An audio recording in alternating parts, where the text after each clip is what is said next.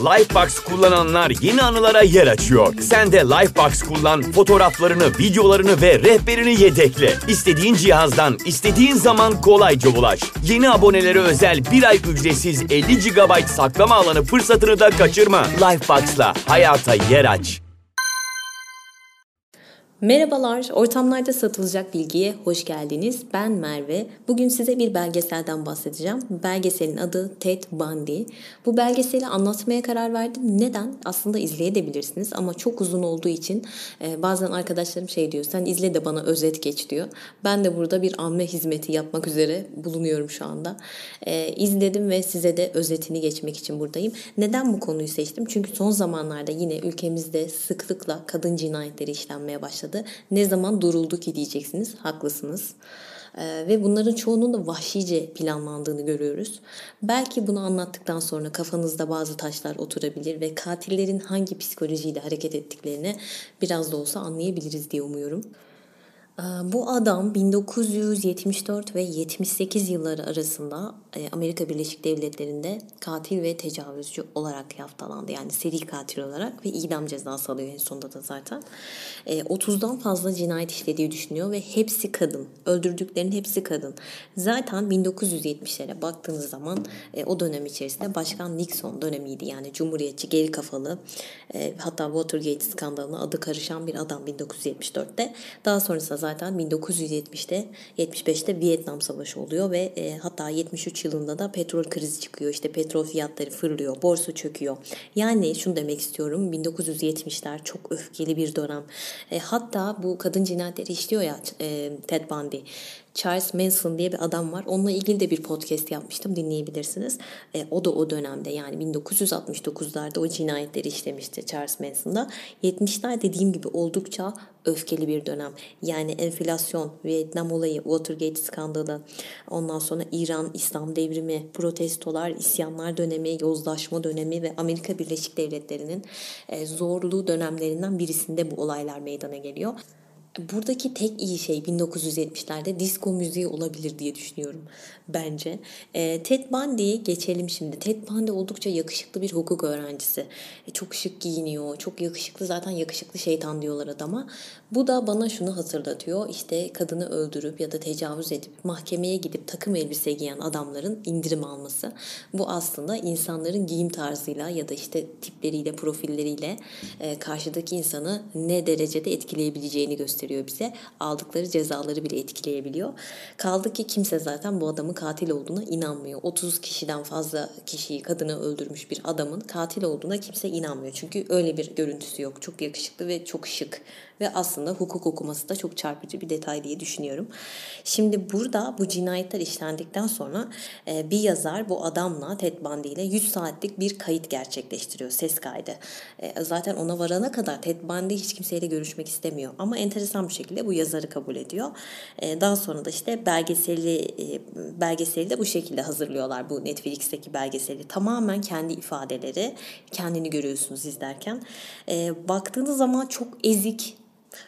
çok içe dönük bir adam ama kendini böyle başka bir kimlikle göstermeye çalışıyor. Oldukça kibir, e, kibirli ve soğuk görünmeye çalışan bir adam.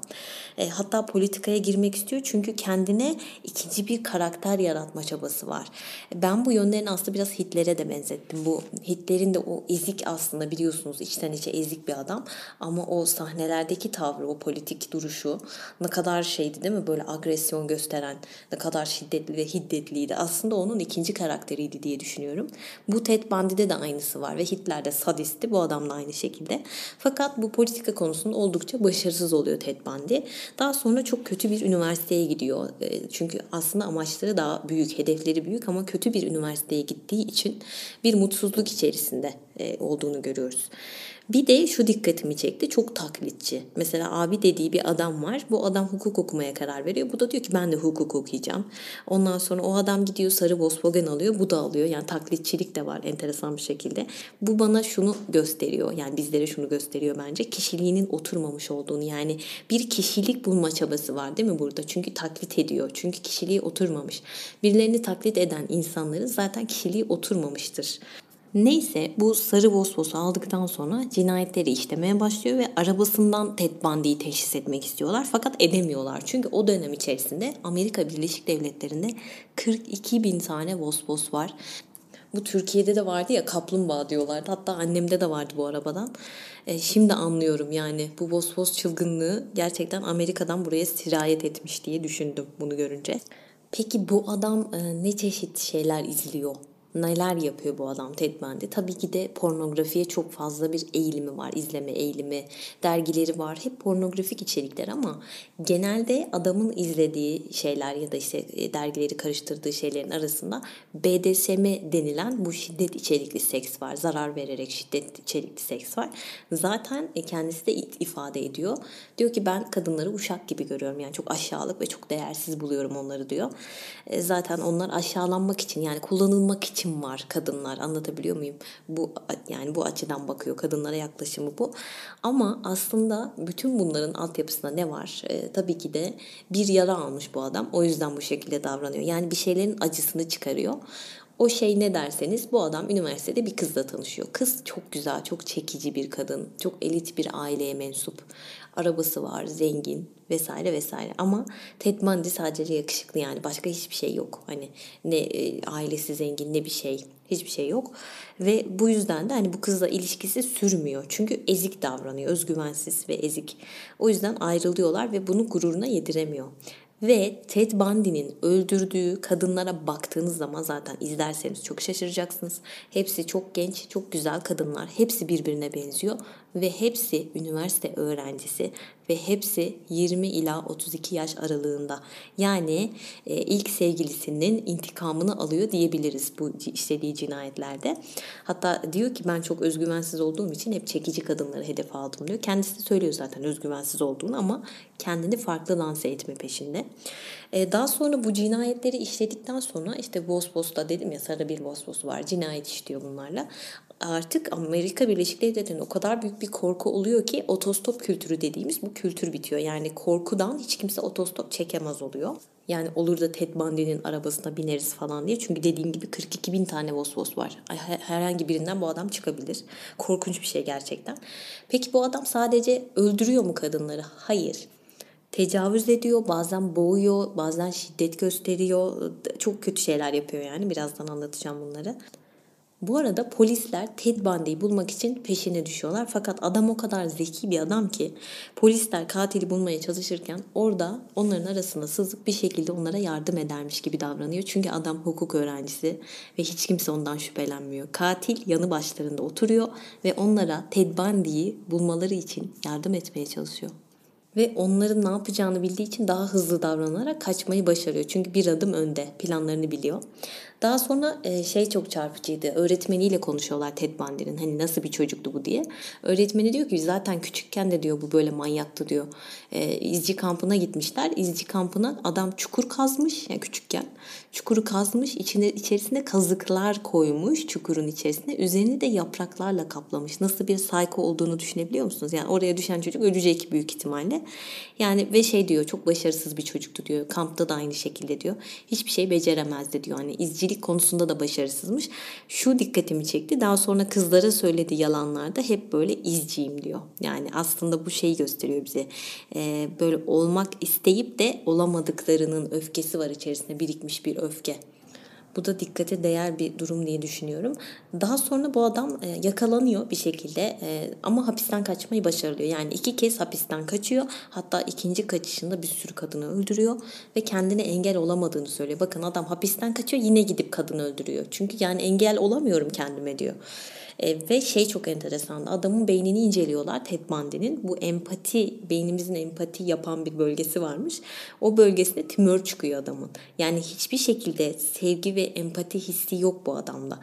Hatta bununla ilgili bir şey mi okumuştum tam hatırlamıyorum. Bir dağcı vardı. Böyle hiçbir ekipman olmadan çok korkunç dağlara çıkıyor. Yani düşse adam paramparça olacak. Herkes diyor ki ya nasıl yapıyor bunu? Hani bu adam böyle nasıl yapabiliyor?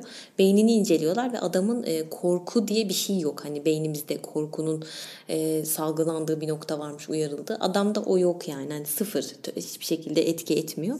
O yüzden korkmadığı için de adam çok rahatlıkla dağa tırmanabiliyor. Ted Bundy'de de empati dediğimiz şey yok. Yani onun olduğu yerde tümör var. Ve kendisinin açıklaması şu yönde. Diyor ki ben çok fazla pornografi izlediğim için ve BDSM içerikli, şiddet içerikli pornolar izlediğim için bu hale geldim diyor. Tabii ki külliyen yalan. Sadece bu değil yani sebebi. Ve manik depresif teşhisi koyuyorlar Ted Bundy'ye. Manik depresifmiş. Ee, ve benim en çok şaşırdığım şey şu olmuştu. Aslında şaşırmamam lazım. Bu Türkiye'de de yaşandı bu olay. Şu an anlatacağım şeyi kafanızda taşlar oturacak.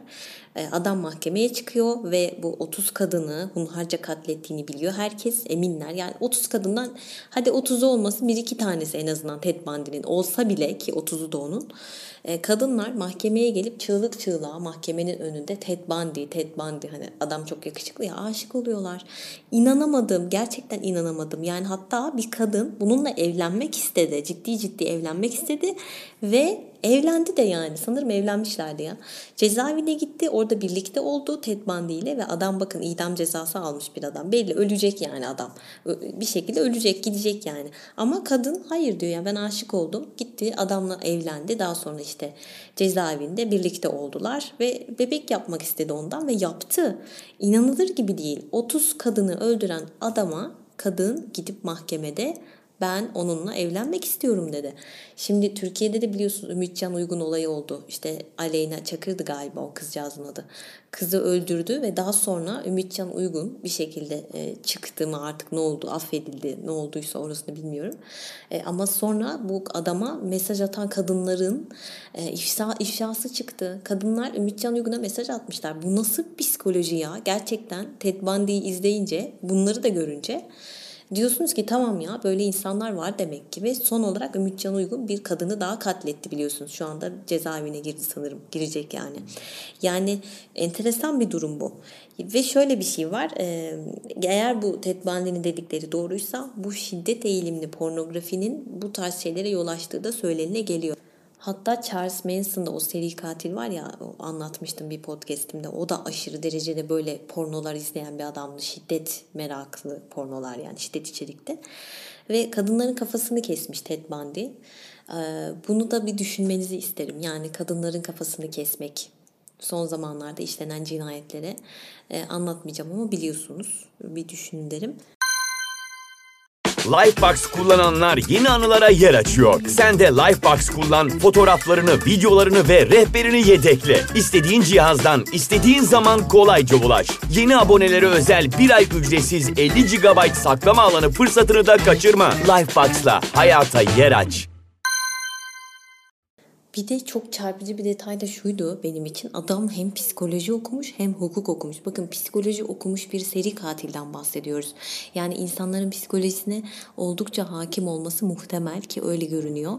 Çünkü mahkeme kayıtlarını izlediğiniz zaman adam oldukça pişkin, sürekli sırıtan, sürekli şakalaşan, gülen, sanki o cinayetleri o işlememiş gibi davranıyor. Yani bir an böyle durup ya acaba bu işlememiş olabilir mi falan diye düşünüyorsunuz gerçekten. Bir de çocukluğunda çok büyük travmalar var. Yani annesinin ona yalan söylemesi, büyük ihtimalle e, babası o zannettiği kişi değil. Yani ailesine bakıyorsunuz çok normal bir aile gibi duruyor ve inanamıyorlar Ted Bundy'nin bunları yapmış olduğuna. inanmak bile istemiyorlar. O da enteresandı. Yani çocukluk travmaları da var. Sevinmemiş bir çocuk.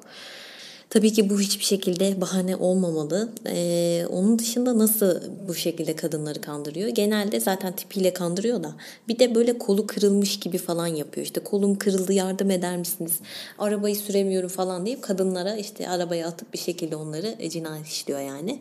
Ve şey çok enteresan. Adam tamam okey tecavüz ediyor sadist bir şekilde kafasını kesiyor vesaire. Bunları zaten biliyoruz. Bir de nekrofili yani bu ölüye tecavüz diyebilirim. Öldürdüğü kadınların çoğu ona daha sonra elbiseler giydirmiş, değişik değişik makyajlar yapmış ve bu şekilde tecavüz edermiş. Peki bu adam nasıl yakalandı? E, zaten yakalandı da bir kadının ihbarıyla yakalanmıştı sanırım. Diş izlerinden tespit edildi Ted Bundy olduğu. Çünkü e, öldürdüğü kadınları ya da işte öldürürken falan tecavüz ederken ısırma gibi bir e, huyu var adamın ve ısırdıktan sonra işte o kalan diş izleri var ya etinde kalan.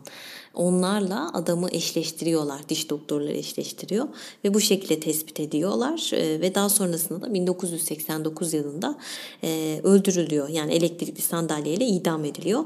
Hatta o idam sahnesi de çok enteresandı. Böyle bütün Amerika Birleşik Devletleri'ndeki gençler, yaşlılar falan böyle oturmuşlar, toplanmışlar. Kolasını alan gelmiş adamın işte bu elektrikli sandalyeyle idamını hani kutluyorlar. Havai fişekler falan atılıyor. Enteresan bir görüntüydü yani. Ted Bundy böyle arkadaşlar anlatacaklarım bu kadar ama buradan bir şeyler çıkarabilmişsinizdir diye umuyorum. Yani her gördüğünüzde e, normal bir insan muamelesi yapmayın. Bu adam çok yakışıklı, e, okumuş, etmiş, tahsilli, e, bilgili, kültürlü bir adam gibi kendini satan bir adam Ted Bundy. Ama işlediği cinayetleri görünce kanınız donuyor gerçekten. Ha bu arada unutmadan söyleyeyim kendini dindar gösterme gibi bir eğilimi de var. Kiliseye gidiyor, kaydoluyor falan. Yani her şey dört dörtlük Ted Bundy ile ilgili. Sizi yanıltacak, şüpheye düşürecek hiçbir şey yok. Yani böyle bir adam. Umarım bu anlattıklarımdan yola çıkarak böyle kendinizce bir kafanızda taşlar oturmuştur diye düşünüyorum. Psikologlar da böyle şiddet uygulamaya eğilimli adamların psikolojisinde genellikle yetersizlik duygusunun olduğunu söylüyorlar. Kesinlikle öyle. Ted Bundy'de de vardı bu. Hatta yeri gelmişken hemen kendi kulaklarımla bizzat duymuş olduğum ve gerçekten hayatım boyunca unutamayacağım bir olaydan bahsetmek istiyorum size. Bu olayı neden anlatıyorum? Çünkü şiddetin ne kadar yakınımızda ve yakınlarımızın hatta bizim de başımıza gelebileceğini görün diye anlatıyorum. E, genelde işte televizyondan görüyoruz, gazetelerden okuyoruz ve zannediyoruz ki bize çok uzak. Hayır değil, hiç değil. E, bu bir tanıdığımızın başına gelmiş bu anlatacağım olay. E, kadın şu an 70 yaşında vardır rahat ve 16 yaşında evlendirilmiş. Anadolu coğrafyasında yaşayan her Türk kadını gibi o dönem içerisinde kurbanlık koyun gibi ailesi tarafından henüz 16 yaşında gencecik bir kızken 40-45 yaşlarında bir polisle evlendiriliyor. Ee, ve annesine soruyor anne ben ne yapacağım bilmiyor çünkü 16 yaşında bir kızdan bahsediyorum. Annesi de diyor ki sen sus otur hani hiçbir şey deme sadece otur yani gerdek gecesi için konuşuyorum. Ee, ve daha sonra bu adam iktidarsız. Fakat kız bunu bilmiyor. 16 yaşında bir kız bunu bilmiyor. Ve adam iktidarsızlığını, yetersizliğini kapatmak için sabaha kadar bu kadını dövüyor. Ee, ve polis olduğu için de işte copla dövüyor, silah çekiyor vesaire inanamazsınız yaptığı şeylere. Gerçekten kanım dondu dinlerken. Ee, ve daha sonra da küvetin içini doldurup buzla dolduruyor küvetin içerisine. Ve içerisine yatırıyor Diyor ki işte bir yerin morarmasın. Yarın ailen gelirse seni görmesin. Ve bu işkence arkadaşlar yıllarca devam ediyor. Bizim kadınlarımız e, emin olun böyle şeyleri yaşayan size milyonlarca kadın olduğunu söyleyebilirim. Bu sadece benim duyduğum bir örnekti ve kanımın donduğu bir örnekti. Dedim ki peki sen bunu nasıl anladın daha sonrasında? Daha sonra bir psikoloğa gidiyor artık baş edemiyor ve psikolog diyor ki senin kocan e, yetersiz olduğu için sana şiddet uyguluyor. Bunu da dinleyen kadınlar bunu bir düşünsün derim e, iktidarsız olabilirsiniz. Bu bir sağlık problemi. Bu halledilebilir ya da halledilemeyebilir. Ama bir psikologdan destek alabilirsiniz. İlla şiddete başvurmanız gerekmiyor. Zaten bunu yaşayan herkes de şiddet gösterecek diye bir şey yok. Ama bunu bilin diye anlatıyorum. Yani Ted Bundy'deki olay da buydu. Yetersizliğini kapatmak için yapmış olduğu, işlemiş olduğu cinayetler.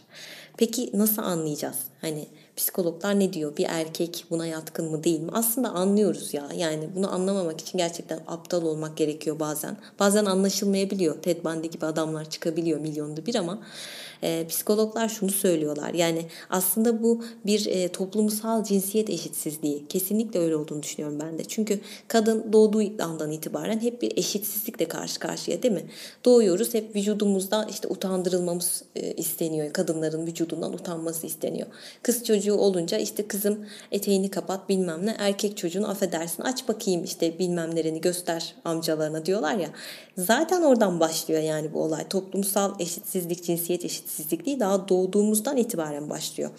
Yani hep kadın e, vücuduyla utandırılıyor, erkek vücuduyla onurlandırılıyor, övünmesi sağlanıyor. E kız çocuğu regle oluyor, aman sus ayıp terbiyesiz hiçbir yerde bunu söyleme. Niye abi reglisini kutlamıyorsun? O da bir genç kız olmuş değil mi? Genç kız da adım atmış. Hayır ona işte ne bileyim tokat atıyorlar bilmem ne gelenekmiş bu saçma sapan utandırıyorlar kızı. Ama erkek çocuklarına oğlum erkek oldu hadi sünnet yaptıralım sünnet olsun. falan diye bir, bir de düğünle taçlandırıyorlar yani. Ne kadar saçma bir şey ya. İkisinin arasındaki bu ayrım neden yani? Ya da işte bir genç kız evlenmeden önce biriyle flörtleşince babası duyunca aman namusum. Ama erkek aynı şeyi yapınca o oğlum aslan oğlum gerçekten delirdiğim mevzular bunlar benim ve bu şiddetin bu hukuki boyutlarından önce aslında temelini konuşmamız lazım. Yani bu temeller üzerine inşa edilen bir yapı tabii ki de yani erkeği şiddete götürecek. Değil mi? Çünkü baksanıza anlattığım şeyler. Adam kendini bir şey zannediyor yani.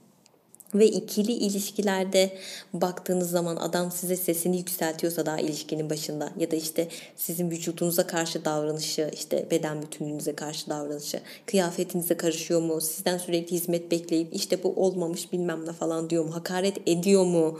Yani bu aslında şiddete yeltenmeye başladığını gösteriyormuş işte. Ya da size karışıyor mu sürekli, makyajını az yap demedim mi sana, mini etek giyme demedim mi sana, bilmem ne. Yani bu tarz kısıtlamalar geldiği zaman artık bilin ki bu adamdan bir şiddet bekleyebilirsiniz. Ve bir kere size vuran adam emin olun devamı gelecektir. Daha büyük bir şekilde de şiddet gösterecektir diyorlar psikologlar bir tedavi görmediği sürece.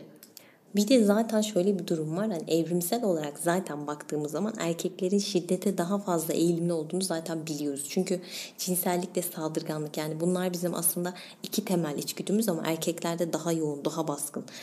Ve bu ikisi de cinsellik ve saldırganlık aslında tek bir amaç için, yaşama amacı için. Yani ilkel toplumlara önce baktığımız zaman erkekler her zaman avlanıyordu. işte şiddet eğilimli e, şeyler yapıyorlardı. Hep böyle işte aileyi koruma, evi koruma falan onlardaydı. Çünkü kadınlar uzun süreler boyunca hamile kaldığı için ve hamilelik de biraz insanı güçsüzleştirdiği için genelde erkekler bu yönleriyle sivrildiler. Ve şu an baktığınız zaman kadınların çoğunluğunun böyle kabadayı, serseri tipleri, böyle naif insanlara tercih etmesinin sebebinin altyapısında da aslında bu ilkel duygular var. Kendini güvende hissetmek, kendini koru, koruma altına almak. Ya tabii ki bunu böyle tamamen evrimsel görüşle açıklamak çok mümkün olmasa da yine de akla yatan bir tarafı olduğunu düşünüyorum. Yani bazı kadınların böyle e, naif adamları seveceğine ya da işte komik, şakacı, düzgün, düzgün tipleri sevmek yerine böyle serseri, şiddet eğimli erkeklere ilgi duymasının altyapısında bu olabilir. Yani kendini güvende hissetme duygusu olabilir diyor psikologlar. Bir de şunu söylüyorlar bu kadınlara şiddet uygulayan erkeklerinin ortak erkeklerin ortak özelliklerinden birisi de aşağılık kompleksiymiş. Yani e, çoğu bu adamların çoğu evlerinin dışında böyle e, müdürleri tarafından ezilen, hiçbir tarafta değer görmeyen, ondan sonra itilmiş, kakılmış, kenara atılmış, kendi çapında değersiz insanlar. Bunu da evde gelip aşağılık kompleksi olduğu için karısını döverek kendi egosunu tatmin ediyor adamlar. Çok doğru bence. Yani bir de şöyle bir şey var. Tabii ki de çocukluk travmaları da var bu adamların. Genellikle annelerinin e, babaları tarafından dövüldüğünü gören adamlarda e, bu oluyormuş. Yani kısır döngü gibi şiddet uygulanan bir evde yaşamış bir erkek tabii ki de ileride de bunu uyguluyormuş. Bir de enteresan bir konu daha var. Cinselliğin tabu gibi görüldüğü ülkelerde ki biz öyle bir ülkeyiz. Hani diyorlar ya Türkiye cinsel e, açlığın Afrikasıdır diye bir söz var. Onu seviyorum. Cinselliğin tabu olduğu yani cinsel bilgisizliğin olduğu, bekarete kutsallık atfedilen, cinsel bilgi düzeyi düşük toplumlarda Türkiye'de işte bunlardan birisi. Cinsel şiddet suçlarının daha yaygın olduğu görülüyor. Ve son olarak podcast'imi sonlandırırken e, bu belgeselin içeriğinde de bahsettiğim gibi Ted Bundy sürekli işte BDSM şiddet içerikli pornolar izleyen, dergiler karıştıran bir adam. Yani burada şunun da etkeni ortaya çıkıyor. E, adamların izlediği işte televizyon programları, diziler vesaireler çocukken dahil buna bunların da oldukça etkili olduğunu söylüyor psikologlar ki Ted Bundy'de de dediğim gibi görmüştük bunun etkisini e, anlatmıştım size. Şimdilik anlatacaklarım bu kadar. Ve podcast'i sonlandırırken en büyük temennilerimden birisi Anıt Sayaç diye bir yer var. Belki biliyorsunuzdur bir internet sitesi kurdular. Burada erkek şiddetine kurban giden kadınların listesi var. Her gün bu listeye yeni bir sayaça yeni bir isim ekleniyor. Umarım hiçbir kadın bu listede yer almaz. Ülkemdeki hiçbir kadın ve dünyadaki hiçbir kadın. Lütfen şiddet gördüğünüz yerde o ilişkiye devam etmeyin. Çünkü bunun sonu büyük ihtimalle bu tarz cinayetlerle sonuçlanıyor. Tatsız konuma burada son verirken şunu söylemek istiyorum. Beni Instagram'da takip etmek isteyenler ortamlarda satılacak bilgi hesabından bana ulaşabilirler. Şimdilik kendinize iyi bakın. Hoşçakalın. Bay bay. Lifebox kullananlar yeni anılara yer açıyor. Sen de Lifebox kullan, fotoğraflarını, videolarını ve rehberini yedekle. İstediğin cihazdan, istediğin zaman kolayca ulaş. Yeni abonelere özel bir ay ücretsiz 50 GB saklama alanı fırsatını da kaçırma. Lifebox'la hayata yer aç.